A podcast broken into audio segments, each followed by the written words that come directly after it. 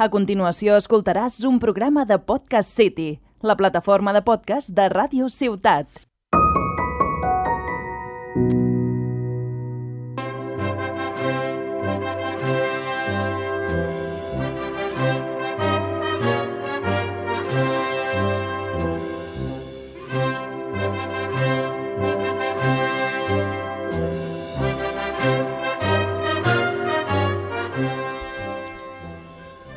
El dia que es grava aquest programa han passat concretament 571 dies d'aquell 14 de març de 2020 en què es declarava l'estat d'alarma a causa de la Covid-19.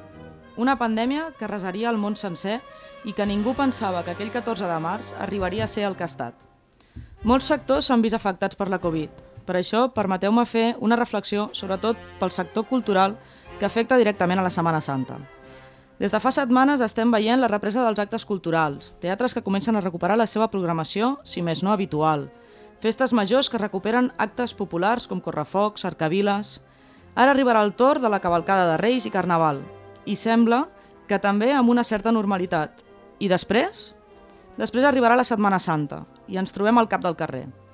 Què passarà per Setmana Santa? Les administracions s'ho prendran tan seriosament com s'han pres Santa Tecla?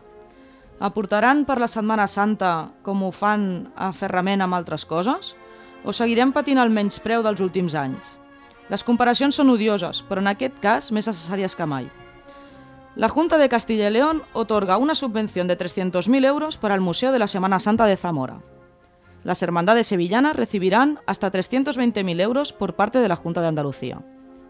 Aquests només són dos exemples de les subvencions que donen les administracions públiques que aposten per la Setmana Santa i tot el que repercuteix, en cultura, en turisme, etc.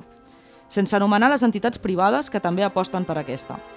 Posem-nos les piles per apostar per la Setmana Santa de Tarragona i posar-la al lloc que li correspon. Comença així la tercera temporada del Bandera Negra i Matraca.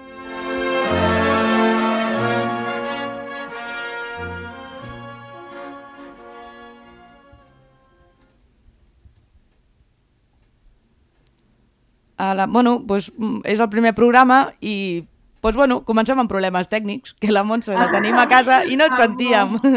bon dia, bueno, bo, bona tarda, Montse. Bona tarda i benvinguts a tots els nostres oients al primer programa de la tercera temporada de Bandera Negra i Matraca. Un programa, com ja sabeu, dedicat a la Setmana Santa tarragonina. Uh, aquesta temporada comencem molt forts, i comencem amb molt d'optimisme. Veiem ja que a Andalusia s'estan preparant ja trasllats de Mares de Déu, de, de, molta, de molts passos. A Màlaga està projectada una processó magna de cara a finals del mes d'octubre. S'han anat fent petites processons per tot el territori espanyol i en breus tindrà lloc el primer gran congrés de joves confrares a Valladolid. Jo tinc moltes esperances posades de cara al 2022, Maria, la veritat. I també estic molt contenta perquè comencem la temporada amb nous col·laboradors. Donem la benvinguda a la Marina i al Jaume. La Marina forma part de la banda de timbals de la Mare de Déu de la Soledat i el Jaume és portant del pas de la Mare de Déu. Benvinguts. Hola, bona tarda. Moltes gràcies per la participació i encantat d'estar aquí amb vosaltres. Moltes gràcies a vosaltres. I com no, una temporada més no podien faltar els nostres estimats tertulians habituals. El Marc, el Joan, el Joan avui no hi és, i l'Ivan. Bona tarda. Hola, eh, bon dia, bona, bona tarda o bon vespre, depèn de com, com ens escoltem Aquí fem de tot, bon dia, bona tarda, bon vespre, aquí som, fem de tot. Bueno, com, com estan els ànims? Si us sembla bé, comencem pels que estem aquí a l'estudi. Jaume Marina, com veieu els ànims? Com tindrem processó o no? Què farem? Doncs la veritat és que jo espero que sí, perquè ja tenim ganes de, de tornar-nos a retrobar tots sobretot bueno, amb la gent més propera que és del pas i de la banda, i també amb la congregació.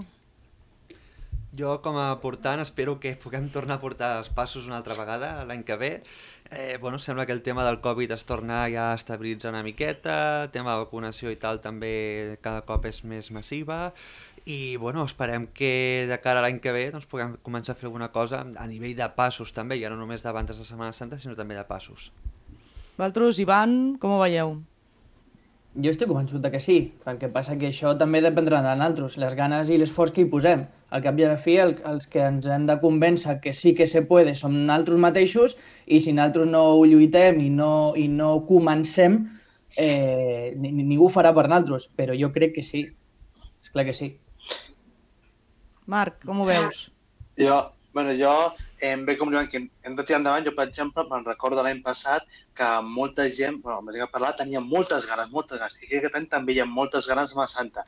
Però clar, els que estem al, els que estem al davant, i sobretot la, els que han d'organitzar el processó del recorregut i tot, són els que hauran de posar ganes i veure un suport perquè així, doncs, durant la Setmana Santa es vegi totes les ganes que hi ha. La gent pugui sortir al carrer. Molt bé. Té moltes ganes, jo crec. Bueno, es como dicen en el Palermazo, yo creo que salimos, ¿eh? Salimos. Salimos, este año salimos.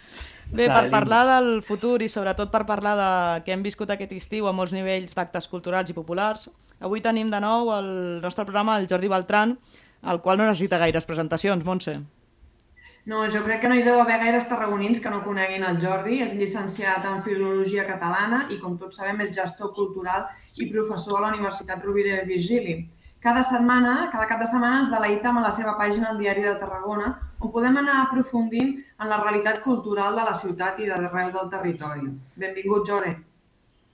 Hola, bona tarda. Bona tarda, Jordi. Com han Bona anat tarda. aquestes festes majors d'estiu? Has vist tot el que volies veure? No, la veritat és que hem vist poques coses eh, i sobretot les que hem vist les hem vist molt adaptades no? a, a les circumstàncies que s'estaven doncs, vivint. No? Per tant, jo diria que no, que s'ha fet el que s'ha pogut, però, però no diria que hi ha un grau de satisfacció massa alt. Diria que s'ha cobert l'expedient. Creus que l'administració pública ha tingut un paper important en aquest grau d'incompliment de, de, de, d'incompliment de la satisfacció de, dels espectadors? Han tingut un paper rellevant o al final han estat les entitats culturals les que han hagut de, de fer pressió perquè sortissin endavant aquests actes? Bé, hi ha hagut de, de tot. Hi ha hagut eh, municipis que el municipi ha estirat i ha intentat plantejar una solució. Hi ha hagut llocs que s'ha tingut que batallar més, no? Depèn de cada cas, no? El que és cert és que jo diria que, que, la, que, que la satisfacció no ha arribat al, al, a un grau màxim perquè a tot arreu s'ha fet amb limitacions i per tant la gent el que vol és el frec a frec, tornar al carrer, tocar tocar-se, no? I això doncs s'ha notat que, que no era així, no? Um, hi ha hagut eh, en alguns casos doncs, que s'ha aconseguit mm, ja interpretar la normativa de manera que es pogués tornar a espais itinerants, posant el públic assegut, però fer itinerància, i això els grups ho han agraït molt, i hi ha hagut llocs, doncs, com el cas de Tarragona, doncs, que no, que s'ha mantingut encara la situació, diguéssim, preestiu, no? que és la que t'obligava a estar assegut. No? Um, bueno, això són, ha sigut diferents interpretacions de la mateixa normativa del Procicat, que és veritat que no és molt clara, però que cadascú l'ha intentat doncs, eh, veure des del seu punt de vista. No? I jo em quedo més amb qui ha intentat anar fent passes progressivament. No? És a dir, hi ha hagut eh, gent doncs, que ha apostat per, per recuperar la itinerància encara que el públic hagués d'estar assegut. No? Crec que ha sigut una bona, una bona passa endavant. Mm, En alguns casos doncs, hem estat com, com s'estava a la tardor de l'any passat, quan en aquestes dates doncs, la Mercè de Barcelona, Sant Miquel de Lleida o algun altre, o Sant Pere de Reus, perdó, la Misericòrdia de Reus, havien optat per, per fer aquesta posició estàtica i que la gent s'ho mirés doncs, eh, tot a un escenari. No? Per tant, jo diria que, que hi ha hagut gent que ha evolucionat i en el cas de Tarragona anem un any tard. No? És a dir, com l'any passat no vam tenir res, doncs ho hem tingut en guany el que van tenir Barcelona, Reus i Lleida fa un any. No? I me, almenys hi ha hagut alguna cosa, no? però penso que anem, que anem molt tard. A nivell de la Setmana Santa de Tarragona, Jordi, com ho veus? Creus que es podrà sortir, si segueix tot igual? Uh, si es podrà sortir, ent entenc que es que caldrà fer ajustos al, al recorregut o, o replantejar l'organització o, o fer el recorregut tal qual el coneixem. Eh, Sabem que són, són coses que, clar, estem parlant a dia d'avui i que no sabem què passarà al mes d'abril de l'any que ve, però, però com, com ho veus, això? A mi m'ha agradat molt la, els titulars que heu fet amb la vostra presentació d'avui, amb la vostra editorial, perquè expliquen una mica com està evolucionant l'Estat. No? I llavors jo crec que en l'Estat ja la gent s'està movent doncs, eh, notablement no? i per tant s'està veient que hi ha unes ganes de, de, de fer Setmana Santa, de fer processons, de fet ja se n'estan fent, no de Setmana Santa, però sí aquestes sortides extraordinàries o patronals, no? depèn de cada cas, i per tant s'estan buscant solucions. No? En el cas de Tarragona, aquestes solucions són perfectament aplicables. No, no sabem com estarem a la Setmana Santa, però en tot cas s'han de dibuixar diferents escenaris. Eh, per una banda, hem vist que en la zona doncs, d'Andalusia doncs, ja s'han produït una sèrie d'estudis mèdics que demostren que els costaleros poden sortir i poden sortir amb els faldons baixats, és una cosa que és significativa. Eh, potser no són els passos més grans, però ja hi ha un contacte o una proximitat almenys molt notable i això dona pistes de, de com es pot anar eh, desenvolupant tot plegat. Um, per altra banda, hi ha hagut una voluntat de les autoritats civils i religioses perquè les processons tornin al carrer i la voluntat també, recordem-ho, que és molt important en tot aquest tema, no? I després eh, penso que, evidentment, s'han de plantejar diferents escenaris. No? És a dir, a mi em fa l'efecte que, que la situació potser no estarà normalitzada al 100% encara i, per tant, s'hauria de tenir com diferents escenaris. No? És a dir, jo un dia, doncs, comentant-ho amb, amb l'expresident dels Nazarens, amb el Jaume Saez, Mm, li vaig plantejar una opció no? que, que, que s'està plantejant en diferents processons que succeiran no? d'aquí a la Setmana Santa, no? Que és fer mm, doncs, el que es feia antigament, no? és a dir, tenir el públic assegut, però que els, les persones puguin desfilar en processó d'una manera normal. Això a la Setmana Santa de Tarragona doncs, no cal anar a, doncs, a, a 100 anys enrere, és a dir, fins als anys 70 això es va funcionar així, tot el públic estava assegut, no? el 90% del públic estava assegut. Això és una de les condicions que ara està posant el Procicat en els actes mm, itinerants. No? Per tant, jo crec que valdria la pena contemplar-ho. No? Eh, entenc que això requereix un esforç addicional, que no solament és posar cadires, sinó és aforar els carrers i tancar els carrers i que hi hagi uns controls, però vaja, ja ho heu dit vosaltres, hi ha altres localitats que s'estan fent esforços i, i jo crec que, que abans, en cas de que es mantinguin aquestes condicions, abans de Tarragona hi haurà poblacions que hauran fet aquestes processons aforades perquè tenen clar que s'han de fer les processons. Per tant, ens podem trobar en un escenari en què a la vora de Tarragona s'hagin vist processons i que Tarragona no tingui una solució plantejada. No? Per tant, eh, jo crec que val la pena de tenir diferents escenaris i contemplar la situació complexa que tenim ara, que és la que indica el Procicat, que segurament no és volguda per ningú, però permet fer processons, permet fer actes de culte al carrer, per tant, amb el públic assegut. I això és una qüestió que l'hem de tenir prevista, perquè si pel que sigui no està arreglada la situació, caldria saber quina, quina és la posició per, en cas de que no puguem fer una, una Setmana Santa, diguéssim, normalitzada al 100%, si això s'adoptarà o no, no? Exacte, Jordi. Parlant d'escenaris no? i de, de, de casos possibles que poguessin passar, jo me'n plantejo tres. Un és que puguem sortir i fer una processó com sempre l'hem viscut, amb tot el recorregut complet, tenint en compte que la situació ara mateix està estable i podrà seguir així. L'altre cas seria mm, limitar, l'altre escenari seria limitar part de la processó amb un recorregut eh, més petit, amb un espai a definir o bé la part alta, on es pot limitar l'accés al públic, o bé a la Rambla, on la gent seria, estaria més ampla. Però llavors hi ha un tercer escenari que és el fet de no poder sortir. Imaginem-nos que estem a la tardor de l'any passat, on la gent eh, tornem a estar en confinament municipal. Com veuries una... Quina solució veuries? És a dir, tu creus que s'hauria de sortir al carrer encara que fos exposar els passos? O creus que ens hauríem de tornar com l'any passat i no sortir i tancar els passos dintre les esglésies o no fer res?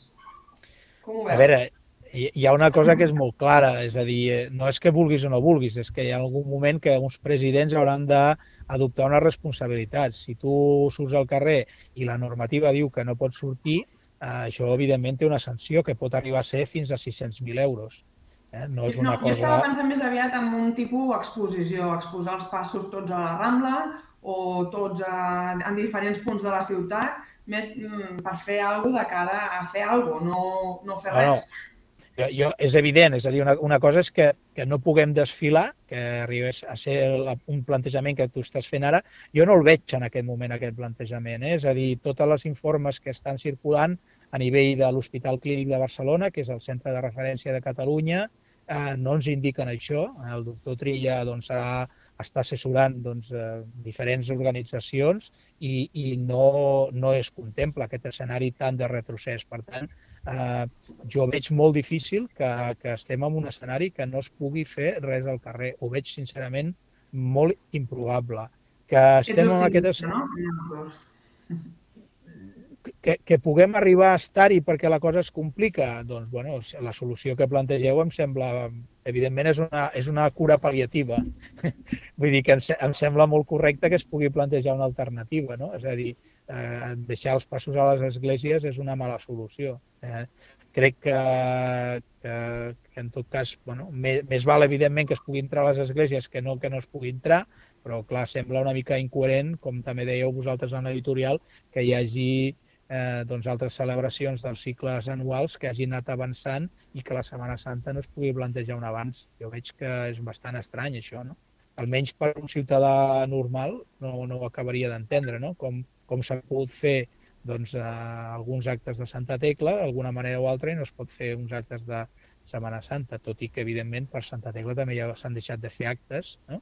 I alguns bastant incomprensiblement. No? Per exemple, en l'arrencada de gegants, a diferència del seguici, no va sortir. No? Quan és un acte exactament igual, el que passa és que l'integren les entitats dels barris i aquests no els van deixar sortir. I, en canvi, el seguici sí que es va deixar sortir. Per tant, hi ha una arbitrarietat amb la presa de decisions que és evident, no cal s'ha anat denunciant ja les darreres setmanes no? i aquesta arbitrarietat doncs, també entenc que mm, es dubti que això també pugui arribar a afectar no? a la Setmana Santa per una decisió purament arbitrària. No? Sí, no. sí, però en aquest sentit també pensant en l'escenari número 2, on hi hagués una, un plantejament de Setmana Santa limitat, no? on a certes activitats es poguessin fer i d'altres no, a vegades jo penso que hi ha un cert paral·lelisme amb els castells i la Setmana Santa, on hem trobat doncs, bueno, que s'ha pogut fer castells, però amb el nombre de participants limitat, amb el nivell de les, de les estructures que, que fan més, més simple. Creus que a nivell logístic també es podria plantejar una, una organització dels actes limitada? Sí, sí, jo crec que, evidentment, els castellers ho han, ho han patit, no? I eh, jo crec que ningú, per part de, de, de cap entitat, estic sentint jo posicions dogmàtiques de dir no, no, és que o tot o res, no? no I crec que, que hi ha hagut, en, bueno, aquest exemple que poses és bo, no? els castellers s'han adaptat eh, i al final s'ha doncs, trobat una solució. També he de dir que els castellers, si no s'arriben a plantar i a fer l'acte de protesta del dia de Sant Fèlix i després no s'organitza una foto protesta a Valls per part de la coordinadora de colles castelleres arran de que es va autoritzar la manifestació de l'11 de setembre a Barcelona i no s'havien autoritzat encara les actuacions castelleres, si no s'arriben a fer aquestes mesures de pressió, els castellers estarien encara com estaven, és a dir, sense poder fer res. Perquè és evident que bueno, ara s'ha vist avui no, amb l'oci nocturn, no, aquests dies s'està veient amb l'oci nocturn, no, és un efecte acció-reacció, no? és a dir, o tu et queixes o no es mouen, i això és així. És a dir, s'ha vist, ho estan veient tots els sectors, per tant, jo crec que estaria bé plantejar una, una línia estratègica perquè no la plantejarà la, la Generalitat eh, d'entrada, a no ser que eh, ja es produeixi un nivell de pressió important. Jo crec que també veurem, tindrem la sort de que per mig passaran coses, no? com això les, passaran les cavalcades de Reis, s'hauran d'afrontar els temes de Carnaval, i et dic que paral·lelament sortiran processons al carrer perquè hi ha municipis que, que les organitzaran. No? Un cas és el, el de, que estic implicat directament és les, les decenals de la Mare de la Candela. Les decenals de la Mare de la Candela, la processó eh, està plantejada per sortir i està plantejada amb uns aforaments molt diversos que van des de menys a més, però en tot moment s'està plantejant que un acte irrenunciable és que surti la processó al carrer i per tant s'han dissenyat els dispositius d'acord amb, tant amb l'Ajuntament com amb la parròquia de Sant Joan, com amb les comissions de treball, com les entitats, perquè això sigui possible. És que és impensable no? que aquesta processó que té lloc cada 10 anys i que no, i que no s'ha pogut fer l'any que tocava, s'ha ajornat un any, però ja és innegociable que no es pugui fer, no? Per tant, s'ha traçat un pla, no? I això és, em consta que s'està fent en altres localitats de Catalunya i de la resta de l'Estat, és a dir, buscar un pla, però te l'has de buscar tu, eh? perquè no te'l donaran fet. És a dir, això està claríssim. És a dir, sigui una solució o una altra, o, o, o la Setmana Santa planteja la solució o no li donarà fet aquesta solució a ningú. Molt bé, Jordi. No, la veritat és que, bueno, a tu perquè no ens veus, Jordi, però aquí que ens veiem tots, tots anem que fent que sí amb el cap, eh? Sigui, Ja, ja. Su subscrivim al 100% les paraules del Jordi i al final jo, jo, em, ve, jo em veia amb l'Ivan allò al davant de l'Ajuntament fent una sentada, no, Ivan? Jo m'apunto, eh? Sí, sí, no, ja- però crec que, crec que ha estat molt important que deia el Jordi. A cap i a la fi es pot fer, altres municipis ho estan fent i nosaltres ho hem de fer i hem d'apretar. És que si no apretem nosaltres no apretarà ningú per nosaltres. I es pot fer, insisteixo. Sí, sí, està clar. A veure, és el que dèiem. Si els castellers hem pogut sortir per, per Santa Tecla, que més apretats no podíem estar, amb una pinya, amb mascareta i testos fets i tot, doncs home, nosaltres no, no hem de ser menys, no? I, i hem d'apretar per això. Està clar.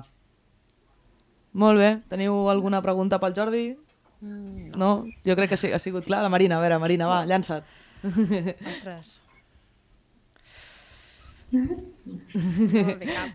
bueno. bueno, Jordi, moltes gràcies. Sempre és un plaer escoltar-te.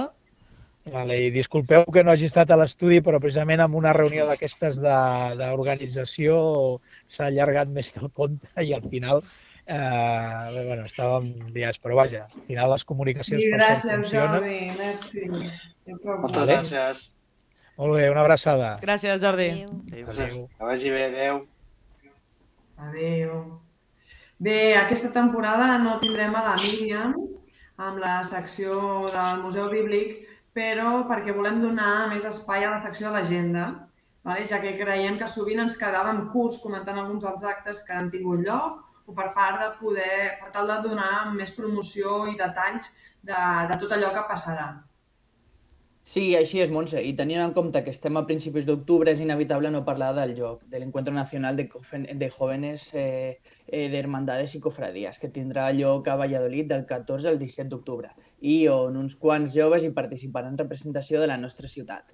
Uh, uh, per això que avui eh, tenim el Nacho Gil, miembro del comitè organizador de este encuentro. Buenas tardes, Nacho. Muy buenas tardes. ¿Cómo estás? ¿Todo bien?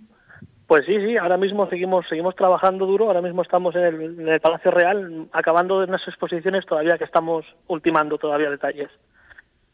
Perfecto. Cuéntanos, ¿cómo se plantea el encuentro? Pues el, os cuento más o menos un poco el programa por encima. Totalmente. Adelante. Vale, Todo perfecto. tuyo. Mira, pues eh, nosotros, aun- aunque el, el co- el Congreso empieza el, jueves, eh, días previos vamos a tener casi una, Semana Santa, como decimos, en, una semana, en días, porque, por ejemplo, el domingo tenemos la bajada de, de una, una Virgen de aquí que es representativa de la ciudad, de un del santuario a la ciudad. El, el miércoles luego también tenemos el traslado de la Virgen de Lourdes, como así la llamamos, que la van a aportar entre la cofradía, entre la cofradía del Lourdes y la del Rocío y luego ya nos metemos en el en el jueves. El jueves ya que empieza el congreso tenemos el traslado de los patrones, tanto el patrón que es San Pedro Regalado como la patrona que es la Virgen de San Lorenzo, que es a las 8 de la tarde, y luego por la noche tenemos la vigilia en la iglesia de San Miguel. Al día siguiente las todas las delegaciones que han querido van a visitar el Museo de Escultura, luego tenemos ofrenda con los patrones, Luego por la tarde tenemos visita institucional al, ayuntamiento en la que estará el alcalde y las instituciones allí para dar la bienvenida. Luego tendremos un pregón a caballo, porque aquí la mañana del Viernes Santo hay un pregón a caballo con de las siete palabras, ¿vale? Que se va a decir que a las 12 de la mañana hay un sermón en, en la Plaza Mayor, con lo cual vamos a tener eso, pero diciendo que va a haber un, un la gala inaugural, vamos a poner así. Luego tendremos la gala, la gala inaugural en, en la cúpula del milenio, eh, al día siguiente tendremos bueno las ponencias con, con la feria de, de stands y toda la mañana allí. Comeremos todos juntos, como lo llamamos nosotros, un vermú torero. Por la tarde tendremos la visita a las, todas las cofradías de la ciudad, ¿vale? Que no sé si lo que dará tiempo, pero hay dos horas allí para que todo el mundo vaya. Y luego, eh, uno de los actos importantes que tenemos es la Virgen de, la Veracruz, irá desde, desde su sede hasta la Plaza Mayor, en la que se rezarán los 20 misterios gloriosos. ¿vale? Luego ya después de eso tendríamos la, la cena de, de gala y al día siguiente pues tendríamos lo que es eh, la misa en la, en la catedral, la proclamación de la siguiente sede que se han presentado tanto Ceuta como Leganés y luego el traslado o procesión de las hermandades de gloria que, que en los días anteriores han llegado, que son seis cofradías, a sus respectivas sedes. Harían un itinerario común y luego cada una se iría para su, su sede. Con lo cual eso más o menos... Cuéntame cómo será este traslado, por favor. Eh, ese traslado, pues mira, se va a realizar en algunos, dos pasos de ellos van a ser, los tres pasos van a ser a hombros y los otros van a ser en carroza. Más que nada porque las cofradías que van en carroza siempre han ido en carroza, no hay, no hay, no, son cofradías muy pequeñas, no tienen gente y, y han determinado eso, pero las otras sí se van a ir con, con sus comisarios o costaleros o como hermanos de carga, como les llamamos aquí, con sus respectivas eh, PCRs que se van a hacer y con su mascarilla. Perfecto, ¿ves? Aquí tenemos otro ejemplo de lo que hablábamos de cómo se puede adaptar y cómo se pueden tirar para, para adelante determinados actos. Sí, sí, aquí, aquí ya digo, los, los hermanos, por ejemplo, los de la, los de la Veracruz, en este caso, ¿vale? Por ejemplo, eh, van a aportar solamente los hermanos de la misma cofradía, se les va a hacer una, una PCR antes de, de la procesión, ¿vale? Y luego con sus mascarillas propias, con lo cual sabemos que es un grupo, un grupo, un, un núcleo cerrado, vamos a decir así. Con lo cual está todo eh, con seguridad, eh, vamos, realizado con seguridad. ¿Vale? Lo único, lo único, por ejemplo, que aquí nosotros es lo único que, que, que es la limitación, es el tema de las cenas. Las cenas están recogidos varios restaurantes y varios hoteles de la ciudad, en la que ya están cerrados por, por grupos, y es lo único que no nos dejan porque no nos dejan meter en ningún sitio a más de mil personas a comer, vamos, o a cenar, pero en este caso. Con lo cual, Claro. al ser al ser un sin espacio cerrado no se podría. Pero pero la comida, por ejemplo, al ser un espacio que le tenemos abierto, no va a haber ningún ningún problema. Muy bien, Nacho. Iván, ay, Iván, perdona. Marc creo que también tiene alguna pregunta para ti. Sí, tengo bueno, un par de preguntas. Nomás, Nacho, he participado en las últimas ediciones de la JOC. Eh, Recuerdo que hay gente de todas partes de España. Este año, ¿cuántas delegaciones participarán presencialmente en, Valladolid?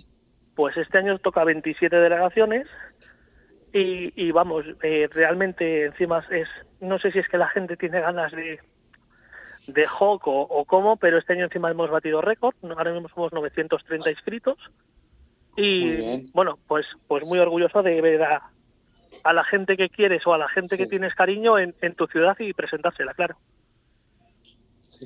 Y, y, bueno, has dicho casi 900 personas. Estaba pensando, ¿cuántos voluntarios sabes en Valladolid que colaboran en la organización? Pues ahora mismo eh, el, el grupo, bueno, yo comento, el grupo de comité somos 16 y voluntarios luego tenemos 70 voluntarios. ¿Vale? O sea Está que muy bien. tenemos un Una grupo infraestructura muy grande. Tenemos un grupo bastante bastante claro, también es verdad que nos ha pillado una pandemia y bueno, la ilusión todavía sigue siendo un poco mayor. Muy bien, Muy bien, Nacho. Me, me- me alegro. Sí, sí. Luego a mayores a mayores de esto también pues lo que se estaba contando tenemos eh, cuatro exposiciones por la ciudad. Mira, ya digo estaba estaba diciendo porque es que las las estamos montando ahora mismo. Tenemos una exposición que es de maquetas y de maquetas de la procesión general del Viernes Santo de Valladolid en la que procesionan las 20 cofradías con 33 pasos y que son en, miniatura, con lo cual es una es una cocada de exposición más luego unos cuadros de, de Paco Silva, de un, de un pintor de aquí de Valladolid, que a su vez también en una en un bar tiene otra exposición también, lo que pasa que en este caso con imágenes de, de España, vamos, con imágenes de Andalucía y bueno, y luego tenemos un, un fotógrafo en el Palacio Real está esta exposición que lleva más de 10 años eh, andando por España en la que hay diferentes fotografías. Bueno, hay 90 fotografías de diferentes autores de, España, de España y Ibe- y Iberoamérica también, en la que están representadas pues muchísimas ciudades, bueno, ya digo, está hasta Guatemala y todo, y luego a su vez también este mismo este mismo fotógrafo tiene en otro bar para acercar más a la gente y a los jóvenes eh, la cultura de la Semana Santa tiene otra exposición que las inauguramos además una es el, el sábado 2 y otra el domingo Vaya, que de aburrir no nos vamos a aburrir, ¿no, Nacho? No, no, no, no. O sea, tenemos, nos van a faltar días todavía para ver cosas. No, sobre todo es eso, pues, pues lo que lo que estaba diciendo, pues eso es enseñar la ciudad que, que uno quiere a, a la gente que, que más quieres, pues, pues oye, pues eso llega, porque ya tocaba Valladolid y bueno, después de cómo fuimos al Cira, cómo volvimos de Alcira, el año que hemos pasado, pues bueno, pues uno se emociona y dices tú, es que ha sido un año muy malo, muy malo en, en todos los sentidos, y bueno, Bueno, no lo pasaremos bien. Sí, sí, totalmente, totalmente. Eso sí, eso sí que lo vamos a pasar muy bien. Ya estamos aquí en Valladolid por lo menos sin restricciones, entre comillas. Están empezando ya a abrir, decir así, discotecas y todo, con lo cual más o menos la fiesta un poco la podemos llegar a tener con precaución, pero la podemos tener. Muy bien, Nacho. Marina tiene una pregunta para ti. Perfecto. Hola, hola Nacho, soy Marina. Hola, muy buenas, muy buenas. Cuéntame. Mira, yo la verdad es que había escuchado la- lo de las jornadas y tal, pero nunca, nunca he asistido a ninguna. Entonces, por lo que veo me lo recomiendas al 100%, ¿no? Totalmente. Uy, es que estoy emocionado un poco, sí, no te totalmente. preocupes. Bueno, ¿y qué me has comentado? ¿Dónde, ¿Dónde serán las próximas? Me has comentado que ah, bueno, había diferentes ciudades que se habían presentado. Se han presentado, sí, Ceuta y se ha presentado Leganés. Muy bien, eso se- sería para de, o sea, de cara al 2022. de cara al 2022. Sí, yo, eh, bueno, para una persona que nunca haya estado y quiera estar, bueno, le comento, es, es un congreso, aunque se diga que es joven, hay de todas las edades. Es un congreso, yo creo que como yo nunca he vivido, la verdad. Eh, vas a una ciudad X, ¿vale? Por ejemplo, yo empecé en Palencia, que está al lado de Valladolid, ¿vale? Pero al siguiente año, pues nos tocó Córdoba. Córdoba, yo claro, cuando eres pequeño lo mejor no, no, no, no, no lo disfrutas, como cuando eres mayor, tú vas allí, disfrutas de una ciudad que no conoces, aunque así, y dices tú, wow, y empiezas allí a acercarte a, a- conocer gente. Empiezas, eh, por lo menos la mañana de, de las mañanas del sábado de ponencias, eh, un escultor te dice cómo viste su imagen. Te viene un orfebre y te dice cómo hace, eh, yo qué sé, un, un mínimo, eh, eh, una mínima tulipa. Voy a poner así un ejemplo. Eh, cosas, detalles que tú dices, bueno, pues, pues eh, eh, eh, tienes que aprender. Voy a decir, pues, eh, es, es, un- es que además el HOC es diversión, es aprender, es intentar copiar, porque, por ejemplo, a lo mejor hay una cosa que tú ves en un stand, por ejemplo, de cómo venden esto la Semana Santa porque el ayuntamiento les ayuda X y dices tú, bueno, voy a intentar que mi ayuntamiento me ayude también. No sé, o sea, es, es muchísimas cosas. Tú, un hawk, pues es eso, es, aprender, es divertirse, es que lo tienes todo, no y luego y luego según la ciudad que sea la repercusión o el cambio que a esa ciudad se le puede dar puede ser muy importante. Yo digo, ya Leganés puede ser un cambio impresionante, pero Ceuta también por todo lo que lo que se ha vivido estos últimos meses con el tema de, de lo de yo lo digo así con el tema de lo de la valla y todo esto puede ser puede ser un, un impulso a- hacia su Semana Santa, hacia conocer una Semana Santa, pues eso, tanto Leganés como Ceuta, al conocer su Semana Santa, que, que a lo mejor son menos conocidas, pero puede ser, yo digo, un impulso turístico importante para, para ese lugar, sobre todo en octubre, que es cuando encima nosotros, los que somos cofrades y no nos podemos mover en Semana Santa, nos podemos desplazar y conocer lo que ellos nos enseñen. Es que Córdoba. Córdoba nos lo pasamos muy bien, ¿eh?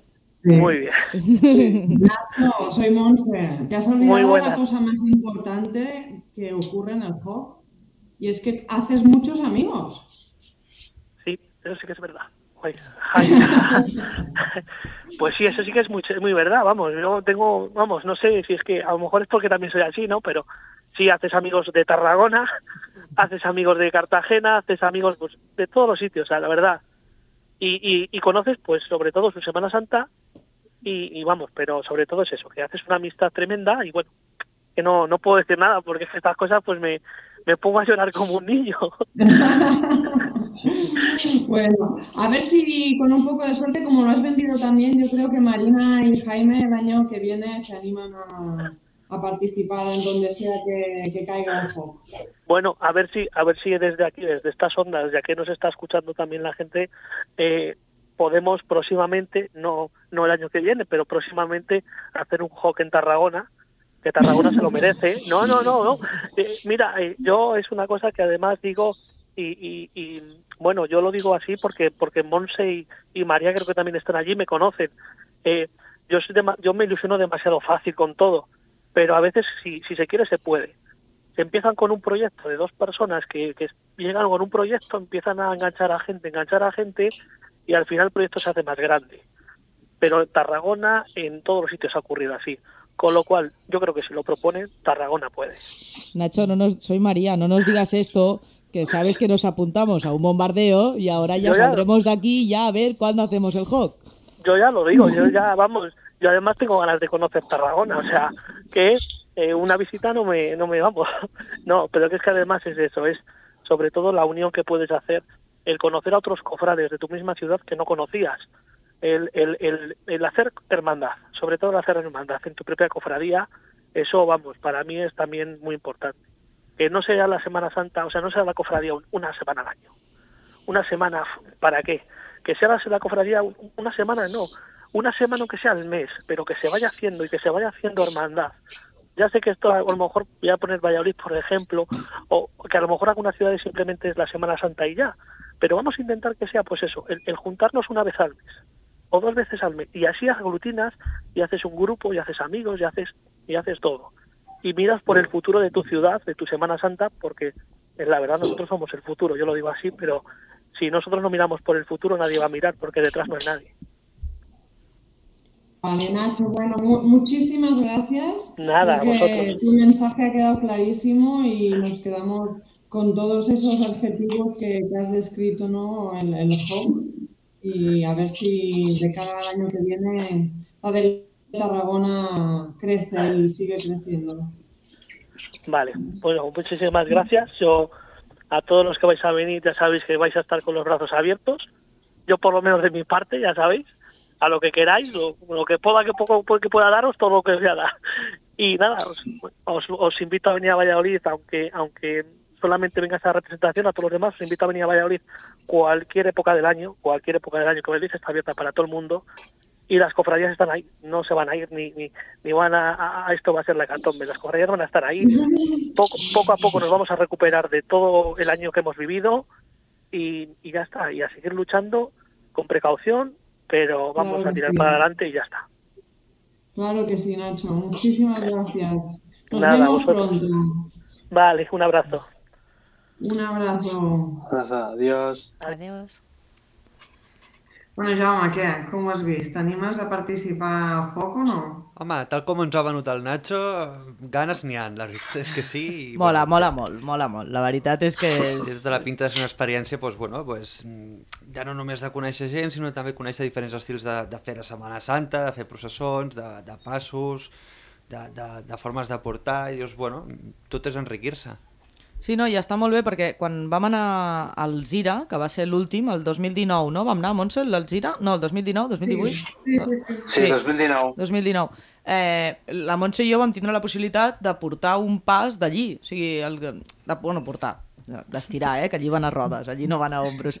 Però, però va estar xulo perquè va ser allò com... I quan vam anar a Palència també ens va passar. Vam arribar allí i en sé que ens diuen oye, ¿alguien de vosotros quiere llevar el paso? I el, i el Javi, el que va vindre, va dir, pues ja voy jo, saps? O sigui, està molt bé perquè a banda coneixes i, i val molt la pena, la veritat és que sí. No, i que, i que al cap i a la fi és un clar exemple de com la Setmana Santa no és una vez al año i no és una setmana a l'any, sinó que durant tot l'any veus com altres cofradies, altres germandats i altres ciutats estan complet, contínuament fent vida, fent vida, acció social, acció cultural eh, eh, a, a la seva ciutat i tenen presència durant tot l'any. I és una de les coses que has d'aprendre. Sí, sí, no, hay- de eso hay que tomar nota, ¿eh, Iván? Mucha. Mucha. Y bueno, que te lo pasas bien porque se montan unos festivales que no veas. ¿eh? Y comes muy bien, seguramente. Hombre, sí, a ver. En Córdoba que comimos por rabo de toro, en Palencia que comimos cochinillo, pues a ver, tenemos que ir probando las cosas, hombre, a ver. Cuando Así vengan a. Tarragona les pondremos chartres. Que sí. Bueno, tornem a Tarragona. Escolta, repassem l'agenda d'aquests dies de Setmana Santa. Què està passant a la ciutat? Doncs mira, Montse, el passat dissabte, dia 2 d'octubre, va tenir lloc la Diada de la Sang del 2021 a l'Església de Natzaret, eh, on es van lliurar les diferents distincions als congregants més antics i als armà, l'armat que complia els 25 anys de perteneixent als armats, sortint a la processó, i les senyores de la Soledat que també van donar la seva distinció.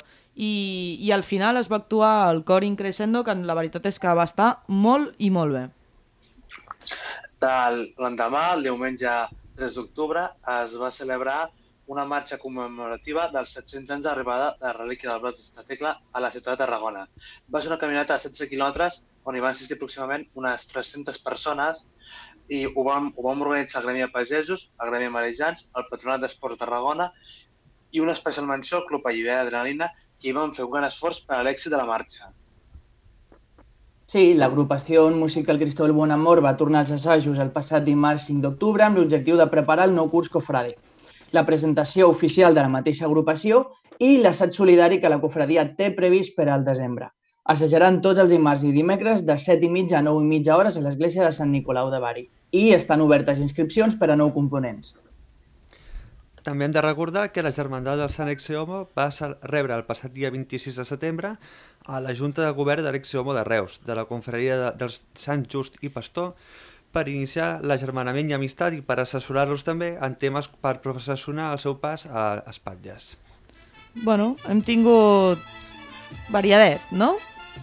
De, jo crec que, a veure... Sí, sí, és- un programa per començar a tope. A tope, eh? Eh, A hem tingut tope. una bona estrena, hem tingut. Home, aquí a tope, problemes tècnics, però escolta'm, un cop més, jo crec que directo. aquí és el directo. No, no, i, i jo ho dic sempre a cada programa i no, no em cansé de dir-ho, que gràcies als tècnics de, de Ràdio Ciutat de Tarragona que tenim aquí a l'Òscar, que el pobre els fem anar de bòlit i, i, i es porten molt bé amb. I mira que els hi posem problemes a vegades, eh? difícil, però, però la veritat és que gràcies per donar-nos aquesta oportunitat una temporada més i bueno, doncs ens veurem aquí per parlar de tot una miqueta, no, Montse? Clar que sí. Ja, ja mirem de cara als propers programes a veure com la podem liar una mica més, no? Parlant de Setmana Santa. I tant, i tant, perquè una cosa està clara i ho ha dit el Jordi, eh? si no apretem naltros, ningú apretarà per nosaltres. Hem I d'apretar. tant, i tant. Totalment d'acord. Les piles carregades, eh? Ah, exacte. Bueno, i ara el pròxim programa que vindrem del Hawk, buah, aquí tindrem tema per rato, eh? Farem un especial. Anècdotes del Hawk. El postpartido. El, po el postpartido, haremos el postpartido. Molt bé, doncs bueno, gràcies a tots, al Jaume, la Marina, el Marc, l'Ivan, Montse, ens veiem a la pròxima. Fins la pròxima. Adéu. Adéu. Una abraçada a tots.